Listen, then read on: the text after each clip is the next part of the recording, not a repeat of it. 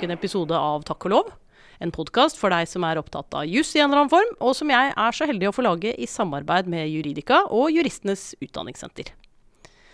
I dag skal vi lære mer om politiavhør. De fleste av oss blir jo ikke så ofte avhørt, heldigvis. Verken som uh, fornærmede eller uh, siktede eller vitner eller mistenkt. Uh, men om det nå skyldes vår omsorg for rettsstaten, eller kanskje at vi er litt spenningsdrevne og gleder oss litt over krim i en eller annen form. Sånne avhør er jo ganske interessante, og ikke minst veldig viktige. Altså, vi har politiet, den forlengede armen som gjør at de lovene vi lager, virker i praksis. De skal sikre oss mot lovbryterne. Men for å gjøre det, så må de jo finne ut om den de tror har gjort noe straffbart, faktisk har gjort det. Og hvordan gjør de det? Det, eh, det er vel eh, heldigvis ganske lenge siden man drev og banket tilståelser ut av folk, tror jeg. Men eh, hvordan kan politiet egentlig sikre at det de får opplyst, er riktig? Man kan jo bli litt ivrig når man søker etter sannferdige svar. Kanskje spør man noen ledende spørsmål, eller litt forledende spørsmål til og med, som eh, gir svar som kanskje isteden er feil og som i verste fall kan gjøre at uskyldige blir fengslet, mens de skyldige går fri. Det er jo bare én person som kan hjelpe oss med å skjønne litt mer av politiavhørenes utvikling og mange fallgruver, og det er selvsagt Asbjørn Rachlew. Velkommen hit, Asbjørn. Takk skal du ha. Asbjørn, du er jo, eh, du er jo en revolusjonær. Eller hva skal vi si? Du er en eh, paradigmeskiftarbeider. Du har eh, bidratt til å revolusjonere med veldig fredelige våpen i form av kritisk tenkning måten politiavhørene blir utført på i Norge. Eh, Asbjørn har også eh, utviklet eh, opplæringsprogram i avhørsteknikken Kreativ, som er et akronym som Asbjørn skal få fortelle om siden. De av dere som har vært borti folk i uniform før, vet at de er veldig glad i akronymer. Men dette er i tillegg et akronym som gir litt mening i sin kortform også. Asbjørn lar seg heller ikke stoppe av landegrenser. Han skal, på oppdrag fra FN, også bidra til spredningen av denne forskningsbaserte avhørsmetodikken globalt. Og så er han ikke bare sånn skrivebordsfyr, som eh, er sånn livsfjern forskertype heller. Han er jo politioverbetent, og eh, vel har han doktorgrad i justisfeil, vi kommer tilbake til det. Men han har jobbet på ordentlig også, som drapsetterforsker ved Oslo politidistrikt. Veldig hyggelig å ha deg med her, eh, Asbjørn. Vi prøver jo uansett hvor alvorlige emner vi skal snakke om, så prøver vi ja. å ha med sånn artig faktum, eller fun fact som det heter på engelsk, om uh, gjesten vår. Og der ramlet inn med veldig mange artige fakta om deg, så eh, jeg måtte nesten bare velge ut et. Og uh, det jeg valgte ut, det var at du har vært på legevakten over 25 ganger. Det har blitt mange sting, mye bandasjegips, men du har aldri vært sykemeldt likevel. Kan jeg anta at disse skadene ikke skyldes røffe avhør? Ja, eh, heldigvis eh, så er det svært lite skader som har oppstått for meg i eh, jobbsammenheng. Dette, det skjer gjerne i det private, enten jeg er på skøyter eller ski eller på fotballbanen eller eh, ja, søppeldynga eller hvor det måtte være. Så du er glad i å være aktiv. Du er, eh, du er sånn basket... Du ble ikke verdensmester, men det var ikke så langt unna, var det sånn? Eh, ja, norgesmester ble vi. Men bra, da. basket Basket i Norge var jo ikke den gang en verdens eh, Men eh, nei da, idrett betød veldig mye for meg i oppveksten min. Ja. Det er ingen tvil om. Og nå har du gått over til søppeldynger isteden, var det det du sa? Ja, og sånne hobby Jeg prøver meg rundt omkring. Eh, sist eh, jeg måtte på legevakten, så var det ankelen som, som, som knakk, og det var jo på skøytebanen. Uh, og Det var et problem, fordi jeg skulle holde forelesning dagen etter, og jeg skulle til Beijing uh, fire dager etterpå. Eh, så jeg lurte på om det røk, men det gjorde ikke det. Eh, takket være teknologiske hjelpemidler så lå jeg på sofaen og holdt forelesningen for Journalisthøgskolen. Eh, riktignok medisinert, men det gikk helt fint. Og de merket ingen forskjell? Nei, jeg fikk gode tilbakemeldinger. ja, det er bedre enn vanlig, faktisk. Ja, Det er herlig. Ja, altså jeg, når jeg skulle forberede meg litt på dette denne episoden her i dag, så uh, følte jeg plutselig at jeg var litt sånn at jeg skulle opp til eksamen. Fordi Eh, er ikke det jeg gjør når jeg da driver og henter inn kunnskap på forhånd, forbereder meg mentalt, forbereder meg saklig, tenker gjennom hvordan jeg skal stille deg spørsmål, hvilken rekkefølge Er ikke det jeg driver med da egentlig bare en form for avhør? Jo, absolutt. Det er en uh, profesjonell samtale. Det er et intervju.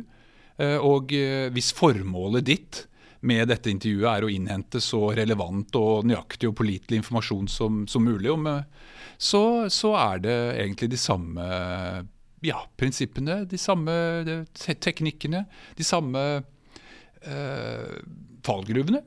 Eh, så ja. Eh, men eh, ta det helt med ro. vi har fått en god start. jeg har blitt tatt imot. jeg har fått god oppfølging i forkant. Jeg føler meg ivaretatt. jeg tror til og med da vi snakket i forkant her at jeg ikke sa formalia, jeg sa menneskerettigheter. Gjorde jeg ikke det? Jo, eh, det, det, det, er et veldig interessant eh, tema, det der. Og det jobber vi litt med i politiet akkurat i disse dager. Eh, vi skal ha en årlig opplæring for alle etterforskere i Norge. Det har vi heldigvis fått. Det hadde vi ikke tidligere, men det har vi kranglet oss til. Fordi våre kolleger som er ute i gata, de trener jo både på å skyte og kjøre bil minst én gang i året, skal opp til eksamen. Mens etterforskerne hadde ikke noe tilsvarende hva skal vi si, obligatorisk etterutdanning. Men det har vi fått nå. Og i år så skal vi snakke om det vi kaller kontaktetablering i avhør gaver, eh, og hvor presentasjonen av det vi i gamle dager bare kalte formalia Formalia før personalia, Nettopp. som det het. Ja. Uh, mens nå har vi blitt enige om at vi skal kalle det for det det er, nemlig grunnleggende menneskerettigheter. Dette er eh, veldig bra. Jeg nevnte ikke innledningsvis, det burde jeg ha gjort. Du er jo gammel kollega av meg fra eh, Norsk senter for menneskerettigheter på Universitetet i Oslo. Ja. Eh, der du er forsker, så du er både politimann mm. og bidrar til denne etterutdanningen eh, innenfra der. Men mm. i tillegg så forsker du på dette. og mm. Det skal vi komme tilbake til. Eh, nå ble jeg både litt betrygget og litt fryktsom, for da, jeg skjønner at det ble en evaluering til slutt her også av eh, min avhørsteknikk. Men jeg skal gjøre så godt jeg kan. det er veldig godt å høre. Det er den eneste måten man kan bli bedre på. Nettopp. Ja, det er herlig. Du, eh, la oss bare begynne helt fra scratch, mm. Asbjørn. Hva mm. er et politiavhør, og hva er målet med det? Hvordan drev man og gjorde det før, og hvordan gjør man det nå? Det var jo egentlig kanskje hele poden, da, men begynn der du vil, du. Ja. Nei, altså politiavhør. Eh, la oss bare starte med det første spørsmålet ditt. Eh, for da stilte du meg flere spørsmål i ett, og det, det, skal man helst ikke gjøre. Men eh, hvis jeg nå snakker meg bort, ja, så, er det min feil. Så, så, bare gjentar du det siste spørsmålet. Da. Det skal jeg gjøre. Men det første, altså hva er et politiavhør? Og jeg kan vel starte med å si at politiavhøret det er politietterforskerens viktigste arbeidsredskap. Altså, det er den politimetoden som eh, vi anvender aller mest. Det er, håper eh, jeg, hammeren til snekkeren, hvis, eh, hvis, eh, hvis, jeg skal sammenligne med et håndverk. Holder alle politimenn på med dette, eller er det liksom en egen gruppe som driver med det? Ja, altså du kan si Først og fremst så er det politietterforskerne ja. som, som, gjennomfører politiavhør. Men vi har jo også forstått at vi kan effektivisere arbeidet ute i gaten eh, ved at eh, våre vårt innsatspersonell i politibilene også kan gjennomføre avhør ute på stedet. Eh, enten korte, spontane avhør eh, i mindre saker, eh, eller eh, ta litt mer ro, og istedenfor å kjøre Eller istedenfor å kalle inn vitne etter en uke, så tar vi vitneavhøret mm. ute i, i, i, gaten. Ferskest mulig og Ja. ja. Så, så, eh, men det er noe vi har begynt med de siste årene, eh, fordi vi ser at det er effektivt. Og, og det kan også rent vitnepsykologisk være heldig og sikre, for vi vet jo at minnet vårt uh, taper seg over tid og kan påvirkes. Og det dere vil ha ut av disse avhørene, det er jo ikke sånn intervju at de skal få jobb, akkurat. Det er Nei. Hva vil dere ha? Uh, ja, altså Det generelle svaret på det det er jo uh, så relevant og så nøyaktig og så pålitelig informasjon om den saken som vi etterforsker som overhodet mulig. Mm. Um, så, så, kort fortalt så er, eh, så er uh, politiavhøret viktigste, vår viktigste politimetode, uh, etterforskningsmetode, for å oppklare straffesaker. Og det betyr at måten vi gjennomfører politiavhørene på, får avgjørende betydning. Ikke bare for straffesakens utfall, men også for publikums opplevelse av hele prosessen. Ja. Fordi det er eh, et møte mellom statsmakten og publikum. Enten det er vitner eller fornærmede eller, eller mistenkte. Eh, og det er ganske intime møter. Eh, så når vi reiser rundt og, i verden og selger inn hva skal vi si, moderne forskningsfunderte politiavhør, og vi snakker med myndigheter og, og beslutningstakere i de landene, så, så, prøver vi å fortelle dem at dere vil også tjene på det. fordi at ja. hvis, hvis, er, hvis, politiet gjennomfører alle politiavhør på en profesjonell måte, eh, så vil publikum opp oppleve politiet som profesjonelt. Og dette er altså møtet mellom hva skal vi si, publikum og makten.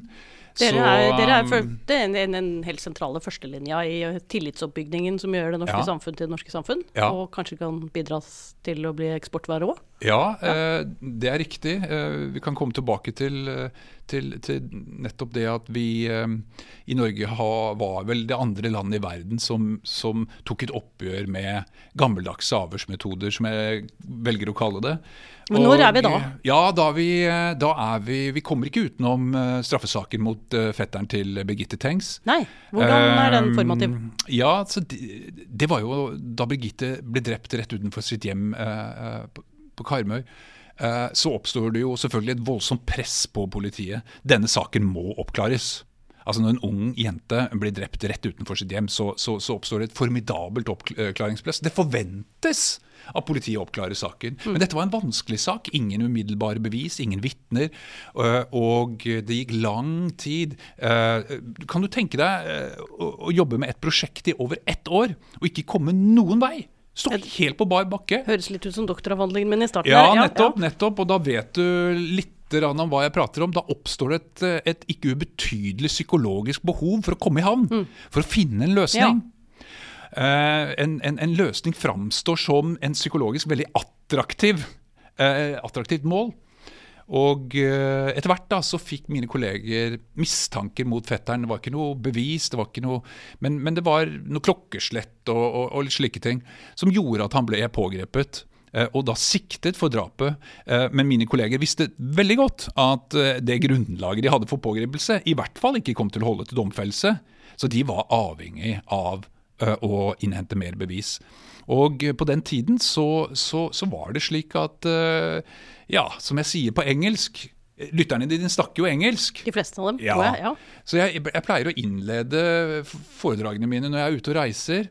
Så sier jeg det at like most detectives around the world, I was taught to believe that once I got a suspect, it was my job to get him to confess. Ja.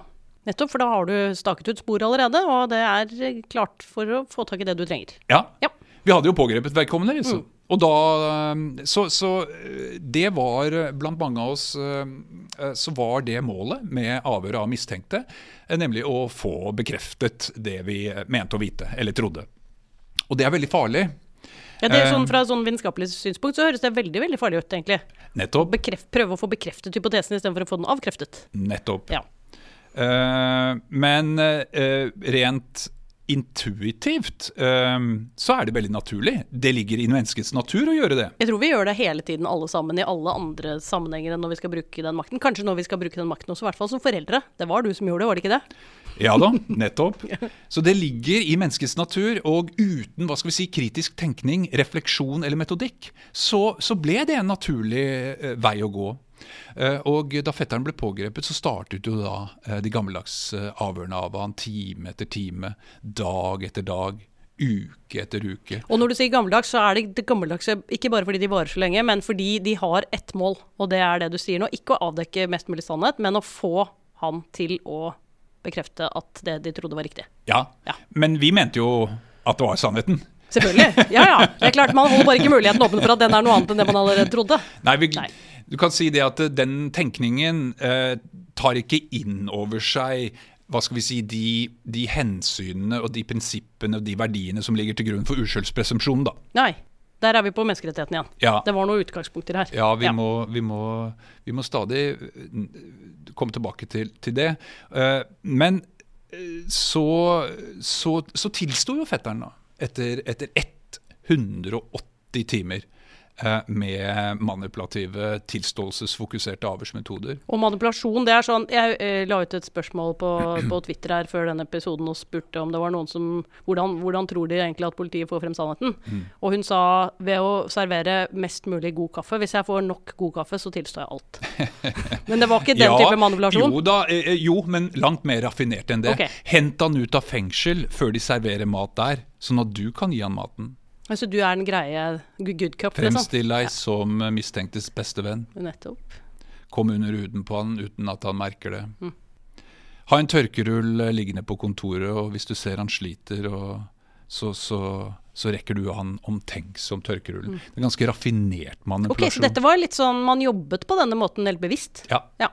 absolutt. Det var ikke bare den snikete naturen enhver hadde litt eh, fra før av. Det var sånn, det gjør vi. Nei, dette var triks som gikk eh, i arv. Eh, Ja. Vi hadde ikke noe metodikk, og da var det erfaring som var på en måte det eneste hva skal vi si, kvalitetsstempelet. Hvis du var erfaren, så var du flink. Ja. Og, og, og, og for oss yngre så var det å, å lære seg disse triksene og høre på de erfarne. Eh, Men, eh, men eh, erfaring er vel og bra, men hvis kursen stakes ut i feil retning uten kritisk tenkning og refleksjon, så kan jo bare erfaring befeste misforståelser og gjøre vondt til verre. Ja, du hadde bare flaks, egentlig. Eller det ble enda verre enn du skulle håpet, ja.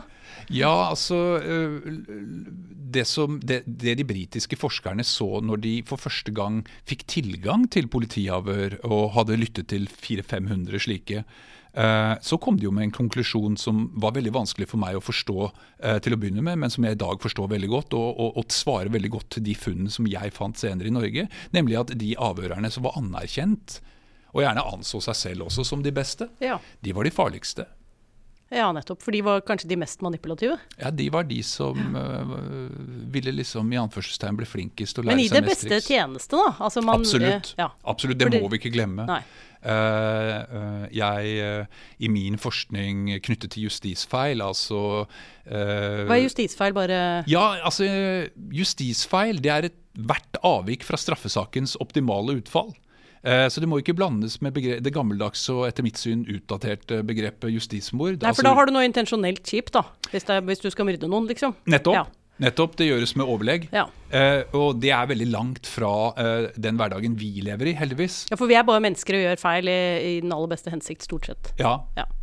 Eh, så så, er- så fins det grensetilfeller hvor man, hvor man bevisst tøyer er strikken. Men man gjør det i den gode sak, da, ikke sant? men da har du den noble cause corruption. Men, Ja. men som regel så er det heller ikke det som skjer de gangene vi tar feil i systemet vårt. Som regel så er det de ulike former for uh, kognitive forenklingsstrategier eller bekreftelsesfeller. For det slår meg at det er veldig mye psykologi i det der du holdt på med, egentlig. Altså alle disse menneskelige svakhetene som vi alle er belemret med, at vi søker bekreftelse på det vi allerede trodde, som jo er utgangspunktet her, selvfølgelig, men også det at vi er liker best de som er enige med oss. eh, ja. ja, alle disse ting som, som egentlig forhindrer oss da, Ja. i å være kritisk tenkende og utfordrende til oss selv og våre egne fordommer hele tiden.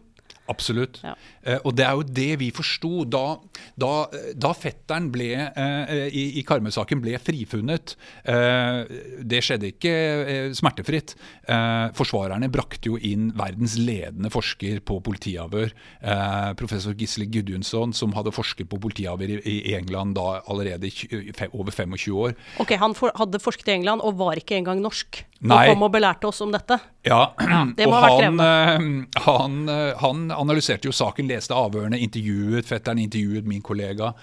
Eh, og, og kom knusende kritikk mot norsk politi. Og vitnet i domstolen sa at denne, eh, eh, i denne saken så har norsk politi brukt altså manipulative, tilståelsesfokuserte avhørsmetoder. I kombinasjon, selvfølgelig, og det må vi ikke glemme, med full isolasjon. Eller ja, det vi i gamle dager kalte brev- og besøksforbud. Ja, nettopp. Men som, som vi har fått eh, klar beskjed av eh, Europarådet og, Torturkomiteen, og, og, torturkomiteen å å kalle det for hva det er. Mm. nemlig full isolasjon. Eh, og han sa at hvis dere ikke har andre bevis enn en denne tilståelsen, som han jo hadde trukket tilbake, så må dere være meget forsiktige, for denne tilståelsen kan være falsk. Og jeg husker jo hvordan vi i eh, norsk politi reagerte på denne professoren. Ja, ja det, det, nå sa du det på en sånn måte som mange utenfor akademia ser på professorer, og med en viss rett, vil jeg si. Men jeg skjønner. Det er ekstra ille akkurat der. Ja. Hvor mange av- avhør har han tatt, liksom? Ja, nettopp. Ja, Hva vet han om dette? Det var jo på mange måter den første holdningen. Men, men det noen av oss så, det var jo at i tillegg til heldigvis da, det muntlige eh, vitnemålet som han ga, eh, som ble avgjørende for frifinnelsen, eh, det var jo at han hadde jo også en sakkyndig rapport. Og den eh, synes jeg, eh, den ville jeg lese. Og i den rapporten så så jeg at Gudjonsson, eh, denne professoren, han refererte til bøker, eh, til vitenskapelige studier om politiavhøret som jeg aldri hadde hørt om. Jeg visste ikke at det eksisterte. Og til tross for at politiavhøret var like viktig, sentral etterforskningsmetode, det var vårt viktigste da, og kommer alltid til å bli det. Og så viste det seg at, at det fantes bøker og vitenskapelig kunnskap, forskning. Og så så hadde jeg aldri hørt om det. Så det, det ble på for mange måter en veldig motivasjon for meg til å reise over til England. Uh, og jeg uh, sendte da en søknad inn i Oslo politidistrikt, ikke om å få lov å gå på et ukeskurs på Nei. Politihøgskolen, som? Som man av og til kan få, ja. Ja, Ja. Men, men om å få lov til å reise over til England i over ett år og ta en mastergrad og lese meg opp på den kunnskapen. Og se, jeg, jeg argumenterte da i søknaden vi må jo forholde oss til dette. Men hva, bare, eh, da blir jeg litt sånn nysgjerrig på deg. Uh, unge Asbjørn, du er jo bare litt eldre enn meg, så da tenkte du fremdeles, egentlig. Du må ha vært enda yngre da. Ja. Eh, eh, blir konfrontert med noe fra en fjern professor fra andre land eh, som sier skrivebordsrelaterte ting, som eh, virker helt på trynet i forhold til alt det man har kunnet frem til da. Hvordan er du da skrudd sammen som gjør at du da blir nysgjerrig på å lære mer av det, istedenfor å gå helt i vranglås og tenke at det der skal jeg i hvert fall ikke holde på med? Jeg, skulle ønske jeg kunne gi deg liksom et sånt eh, nobelt svar på det, men, men det svaret tror jeg dessverre er, ligger i at jeg, jeg vil bli flink. Du vil bli flink, ja. Ja. ja. Men det er vel ikke noe dårlig motivasjon? Nei, men det er ganske egoistisk på en måte. Altså, det er ikke sånn at uh, hvis det- jo, jo, det, er er- ikke, det var ikke for å hjelpe andre, eh, liksom uh, Nei, men er ikke det sånn essential byproduct, da? Vi er jo drevne på egne vegne her. Og så er jo konsekvensen at vi, vi blir flinkere, i hvert fall når du holder på med sånn makt som du har, så blir jo det, er jo det at det blir ganske mye bedre for folk, da, kanskje. jeg, jeg, jeg håper jo det, og, og, og det tror jeg også. Eh, Men, men, men jeg kan jo i den anledning si at eh, da jeg kom tilbake til England og, eh, og fikk anledning da til å For jeg så jo at her fantes det kunnskap som var relevant for norsk politi. Det var det ingen tvil om. Det skjønte jeg ganske raskt. Først ble jeg litt forvirret når jeg startet å lese disse bøkene. For eksempel så fortalte så, så, så jeg at det var Det er litt annen litteratur enn du hadde på Politihøgskolen. Ja, absolutt. Eh, og uh, særlig dette med lie detection, det var jeg veldig interessert i. Uh, for jeg hadde jo forsøkt å lære meg den kunsten, og Ja, hvordan kan løgn. du finne ut hvem som lyver? Nettopp. Hvordan vet du hvem som er troverdig? Nettopp. Ja. Det, var jo, det var jo noe jeg spurte de eldre kollegene veldig tidlig i karrieren min. Hvordan blir man en god avhører? Ja. Og, og, og da gikk jeg jo til eldstemann på avdelingen, og vedkommende svarte som så at uh, du, må, du må lære deg du, det skal være litt stereotyp, da, eh, for så vidt skyld her. Altså, du, du må lære å se om uh, slasken ljuger eller ikke. Og jeg tenkte ja, ja, ja. Det var lurt. Ja, ja, ja selvfølgelig. Men, men, men, men hvordan gjør man det? Og, og da lente han seg tilbake i stolen og ganske rolig og sa at eh, erfaring. Ah, shit, ikke sant? Det hadde jeg ikke så mye av, så da var det bare for meg å, å, å starte å skaffe seg erfaring. Og jeg, jeg ville bli flink, så jeg lagde jo egne skjemaer jeg, med siktedes kroppsspråk. Egne, for hvert eneste avhør jeg tok, så prøvde jeg å analysere kroppsspråk og prøve å finne denne nøkkelen av denne sjette sansen som kom ved erfaring. Og så, men jeg, jeg følte ikke helt at jeg klarte liksom å knekke det. Så, men etter at jeg har fått nok erfaring til å gå tilbake da, til vedkommende og si at nå har jeg fått veldig ydmykt, nå har jeg fått litt erfaring. liksom og sånn, men jeg, og jeg, Kanskje jeg ser noe, men jeg klarer ikke helt. å ikke? Så bare lente han seg tilbake i stolen sånn igjen. og Enten så er man en menneskekjenner, eller så er man det ikke. Ok, så du bare hadde det ikke i deg, stakkar? Nettopp. Eh, men, men, men jeg, det, jeg hadde ikke mistet troen på at denne sjette sansen fant da jeg dro over til England. Og der sto det, Jeg skulle ta en mastergrad i rettspsykologi, ikke sant, i vitnepsykologi. Der tenkte jeg at, Og der sto lie detection på pensum. Så tenkte jeg yes, ikke sant, med en mastergrad i psykologi og erfaring som drapsetterforsker, da skal jeg jeg, jeg skulle knekke den koden. Ja. Og så startet jeg å lese de vitenskapelige eksperimentene, studiene, der politifolk var testet, psykologer var testet, dommere var testet. Så viste det seg at når man ble testet, så var det ingen som hadde den sjette sansen. Det har alltid vært en myte. Vi, altså eh, i, i, i lie detection-businessen, eh, politi, dommere osv., vi scorer ikke mer enn uh, publikum i gata. Ok. Og hvor godt er det? Ja Og dette er det forsket masse på. Ja, ja. Masse! Det er stor industri! Ja. Eh, 50% Vi kan like så godt slå kron og mynt. Okay. Så dette har vært en myte, og det var en av de mytene som vi bare måtte avlive med en gang. Det, er- det fins ikke noe snarvei til sannheten. Men hvordan kommer man dit, da? Da må man samle inn så relevant, nøyaktig og pålitelig informasjon som overhodet mulig. Eh, Så vi kom tilbake til avhørsmetodikk og gode avhørsmetoder, og, og hvordan vi kunne eh, strukturere avhørene våre og passe på at vi eh, ikke utelukkende søkte etter informasjon som bekreftet vår oppfatning, og ikke minst måten vi stilte spørsmålene våre Ja. på, at de måtte være åpne osv. Så, videre. så så eh, eh, vi kunne ta med oss den kunnskapen om metodikk, intervjumetodikk tilbake til Norge, og nå gi norsk politi for første gang opplæring i avhørsmetodikk. Så det du sier, vi kan ikke egentlig overkomme disse menneskelige svakhetene selv om vi vet om dem. Men Helt vi kan umulig. ha metoder som gjør at vi blir mindre utsatt for de feilkildene de avstedkommer. Altså Daniel Kahneman, som har vunnet Nobelsprisen i beslutningspsykologi ikke sant? for boken blant annet, da, eller hvor, hvor han samler opp uh, all forskningen sin, 'Thinking Fast and, and Slow'.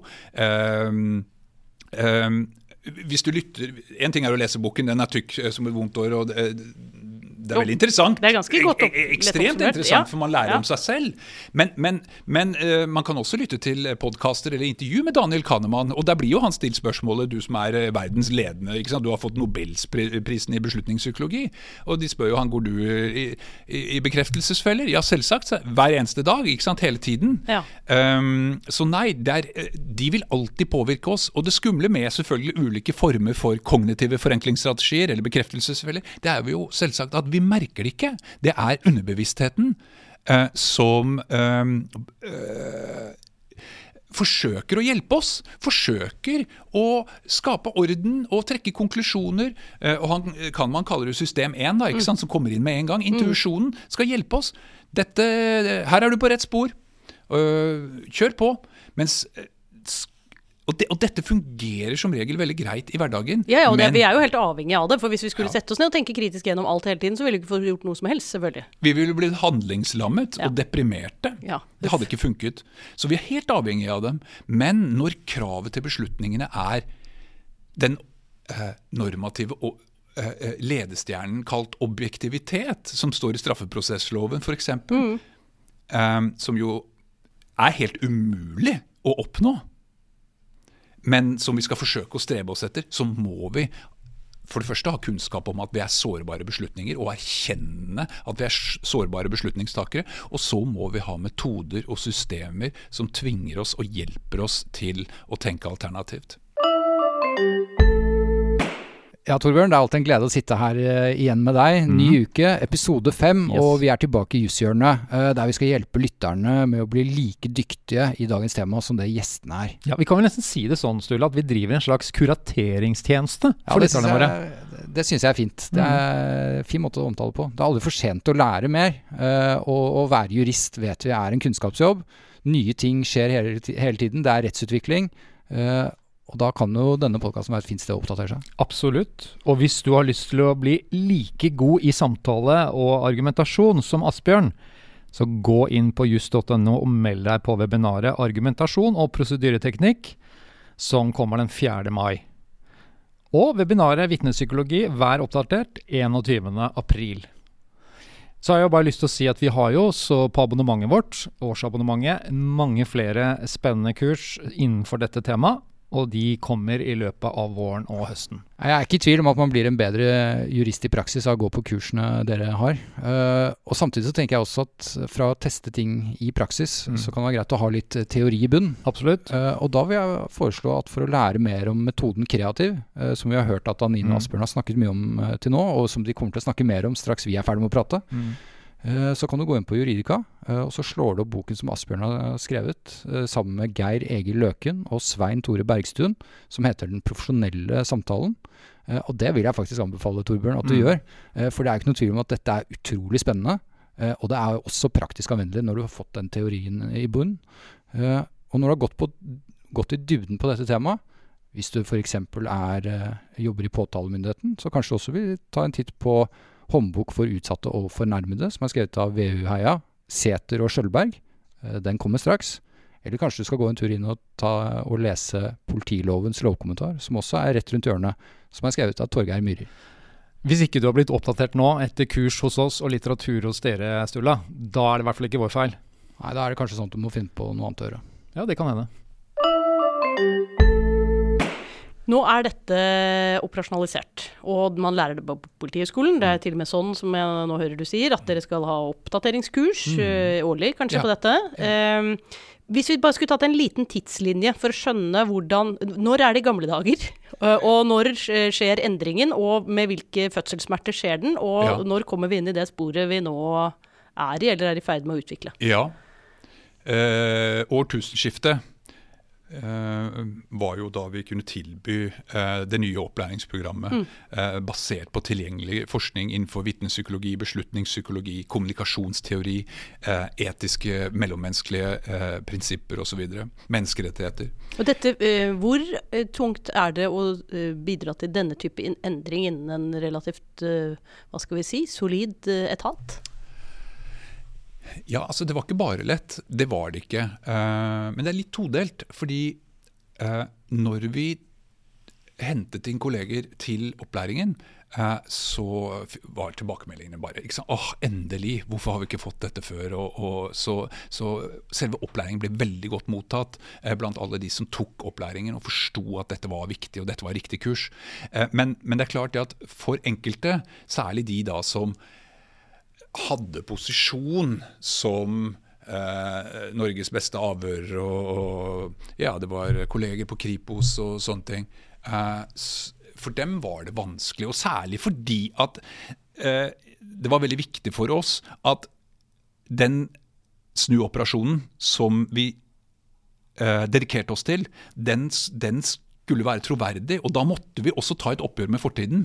Ellers så kunne vi bare si ja, ja, vi utvikler oss gradvis osv.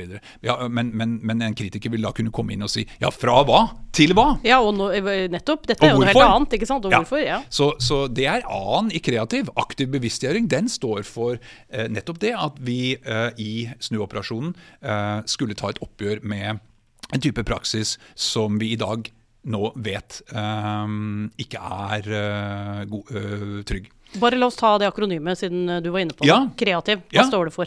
Ja, altså K-en står for kommunikasjon. Ja. Det er jo det det handler om. Eh, og så um, R-en uh, står for rettssikkerhet. Um, Én står for etikk og empati. Vi måtte løfte fram de etiske spørsmålene som reises når to mennesker møter, og, og, møtes, og det, og det ene mennesket har all makt. liksom. Ja. Uh, empati er jo hva skal vi si, eh, grunnpilaren å, klare å formidle empati. Hvis du, hvis du ønsker kommunikasjon, så, så, så må du også formidle empati, uavhengig av hva den som sitter overfor deg må være mistenkt for å ha gjort. Så det er én krea, og så kommer A-en, ja. Eh, aktiv bevisstgjøring, det var dette oppgjøret. ja. T-en står for tillit gjennom åpenhet. Det var nemlig slik at eh, fram til år 2000-skiftet så hadde vi liksom mystifiserte vi. Vi hadde liksom disse triksene og, Ja, ja. og, og så videre. De var hemmeligholdt. ja. Jeg husker eh, Tor, Tor Erling Staff. ikke sant? Han var jo på ryggen vår hele tiden. Men, men, men han, han eh, ropte jo om alt, eh, og, og kom fra utsiden. Men han sa det at de knekker ikke armer og bein i norsk politi, men de knuser en sjel, sa han. Ja. Men, eh, så jeg, jeg, jeg forstår jo i dag hva han pekte på. Eh, Men vi bare Hva er det du snakker om? ikke sant? Mm. Eh, Det er jo Norge og osv. Men han, han refererte nok da til manipulasjonen og, og kombinasjonen med isolasjon osv. ja, nettopp. Um, så, så, så når vi uh, bestemte oss for å gå i um, å ta et oppgjør med, med gamle dager, for å si det sånn uh, Og jeg må bare med en gang understreke at jeg var på Jeg, jeg, brukte. Jeg brukte de gammeldagse avhørsmetodene. eh, og det var et veldig viktig grep eh, for meg også nå, i omveltningen. At jeg eh, gikk ut internt og, og, og for så vidt også eksternt og sa at eh, det, jeg har, ikke, har ikke vært noe bedre, jeg. Jeg tar like mye et oppgjør med meg selv. Ja, ja, helt klart, for jeg vil jo bli flink, ikke sant. Ja. Uh, men iallfall T-en i kreativ, tillit gjennom åpenhet. Ja. Så det betød at vi skulle være åpne om metodene våre. Og det betød også at vi innførte uh, videoopptak av uh, politiavhørene. Ja. Eh, jeg sa at vi må ha videoavhørsrom. Vi skal ikke ha noe skjule. Vi kan ikke ha noe skjule. Og dessuten, hvis vi gjør det, så sikrer vi bevisene i sin original. Det er fordel for oss også, sa jeg. Eh, Det tok lang tid før Riksadvokaten endelig skrev et eh, rundskriv der eh, han eh, beordret politiet til å ta alle avhør opp. Og, og I dag er faktisk Norge det eneste landet i verden som, som, som har, har pålagt seg selv å ta alle avhør opp. Det var en lang prosess med mye, mye pilottesting osv., men det var en del av kreativ, nemlig tillit gjennom åpenhet. Eh, og da er det I, det er altså informasjon. Ja. Vi skal samle inn informasjon. Det var det som var. Og V-en er- var da en dedikering en, uh, til vitenskapelig forankring. At de metodene som vi fra og med i dag skal utvikle uh, og utvikle oss i retning av, de skal ha en vitenskapelig forankring. Vi skal følge kunnskapen. Det er jo musikk i ørene for en akademiker, dette. Ja, Ja. At man kan, faktisk kan bruke kunnskap i praksis på denne måten. Ja, altså eh, i, i, i eh, hele konseptet eh, så ligger det jo nettopp et samarbeid mellom politi og akademia. Det var jo kanskje eh, det aller nyeste med, med det. Nemlig at vi skulle nå bruke den kunnskapen som var produsert gjennom eh, eh, beslutningspsykologi, vitnepsykologi eh, osv. Og dette er du nå en eh, vandrende eh, ambassadør for, vil jeg si, med din stilling både i politiet og på universitetet. Jeg kjenner at jeg kunne snakket med deg om dette i hvert fall to timer til, men mm. så lange podkaster har ikke vi. Nei. Ehm, helt til slutt, Asbjørn, du har jo vært gjennom dette, men eh, vi, det blir så fullt inn i hodene våre. Og dette er jo noe som ikke bare politiet kan bruke, men som vi alle egentlig kan bruke, som har overføringsverdi til veldig mye. Er det, hva er liksom topp tre ting man må tenke på hvis man skal drive avhør eller intervjue folk? Ja, det er helt riktig. Vi kaller det jo avhørsteknikk, men, men det er i grunnen egentlig strukturert intervjumetodikk eh, for profesjonelle samtaler. Ja. Uh, nummer én, du må forberede deg til samtalen. Nummer to, du må etablere kontakt med den du skal snakke med, før du starter informasjonsinnsamlingen, slik at vedkommende får en reell følelse av å bli ivaretatt. Kanskje er vedkommende nervøs eller ikke. Du må etablere kontakt. Og så må du introdusere det du skal snakke om, på en åpen måte, og lytte. Slik at vedkommende først gis en anledning til å få fortelle sin historie. Dette er veldig bra. Eh, tusen takk skal du ha, Asbjørn. Vi har en liten spalte som heter eh, Ukens tall. Ja vel? Og ukens tall som jeg har fått oppgitt eh, her i dag, det er eh, 71. Hva tror du tallet 71 refererer seg til?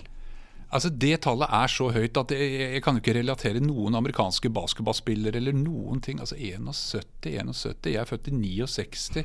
Så jeg tenker på hippietid, liksom eh, Jeg er jo rundt der, ja. Altså 70-tallet liksom begynner Ja, en god tid på den måten. Ja, 68 blir det jo kalt, eh, har jeg Ja. hørt. eh, Altså den eh, tiden der. Ja. Det er det som jeg assosierer med. Det assosierer du der. Ja, ok. Nå enten basketball eller 68, ja. ja, ja. Ja, det jeg har da fått oppgitt eh, fordi vi har prøvd å følge den metodikken din, nemlig å forberede oss meget godt, eh, både mentalt og saksrettet, Riktig. det er å ta ut statistikken på drap i 2020.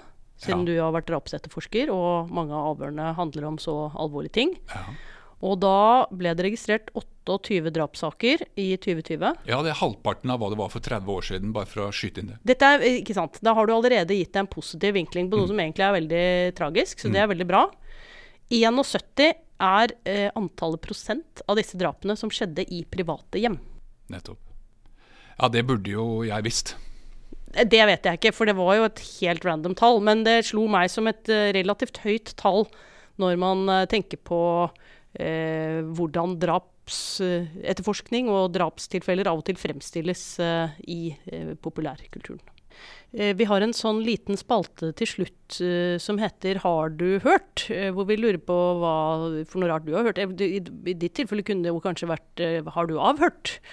Er, du, har du en historie du har lyst til å dele med oss på tampen av denne podkasten? Jeg har forstått det sånn at den skal være morsom, og da, da får jeg litt problemer. Jeg, jeg, jeg kan vel bare én vits, og den, den er for lang. Den, den trenger ikke være, det kan bare være rar. Eh. Ja. Eller eh, underfundig, eller noe som du Ja. tenker at folk burde ha hørt. Ja.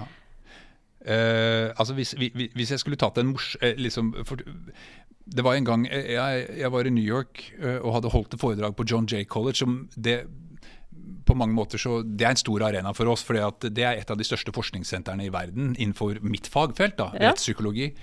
Eh, og jeg hadde holdt en forelesning der og, og, sammen med en kollega. og han er også faglig interessert. eh, og det hadde gått bra, vi var ferdige, og nå var vi på Manhattan og, og gikk nedover Broadway. ikke sant, og, og, og så visste jeg hvor jeg skulle. Eh, jeg, jeg, jeg ville på The View. Eh, for det er, det er en topp topprestaurant, eh, bar, eh, ganske nære eh, sentrum. Eh, og kom opp der, og, og det som er så spesielt med den, at den ligger i toppetasjen, og så svirrer den rundt eh, en, ti, En gang i timen. Ja. 360 grader hver time. Og der satt vi, og jeg hadde bestilt en, en ordentlig god øl, en East Indian Pale Ale, og jeg koste meg skikkelig, og det gjorde kollegaen min også. Og jeg hadde det så hyggelig, og vi, og vi pratet, og jeg, jeg følte at livet var liksom helt topp. Og så plutselig så avbryter kollegaen meg, og så sier han Asbjørn, du er fullstendig fagidiot, du. Og så sa jeg, hva mener du? Hva, er det ikke hyggelig? Er det ikke ja, Men du prater jo bare fag! Ja. og jeg tenkte, ja, men faen, hadde vi det Ja. ikke hyggelig her? liksom? Jeg, jeg følte at verden var helt topp. Uh, så jeg vet ikke om det er en sånn men- morsom historie, men, men, men jeg, jeg skjønte ikke hva han snakket om. For jeg trodde vi hadde, jeg trodde vi liksom alt var optimalt. Du snakket om det hyggeligste du visste, du. Nemlig faget ditt. Jeg var iallfall uh, veldig engasjert og syns livet var topp. Jeg håper du har kollegaer som vet å verdsette det også, Asbjørn. Og så kan de andre sikkert, eh, vet ikke, drikke deg til flere historier. det har vært utrolig hyggelig å ha deg med. Tusen takk for at du kom og forklarte ja, egentlig ting som er grunnleggende veldig langt utenfor eh, politiyrket, men eh, selvfølgelig særdeles viktig der, hvor mm. makten sitter på den måten. Eh, hjertelig takk også til dere lyttere. Eh, hvis dere ennå ikke har fått nok av oss, så kan dere glede dere også til neste uke. Definitivt. For da kommer Anne Kjersti Befring hit for å balansere med oss den stramme liden mellom helserett og personvern. Og takk og lov for det. På gjenhør.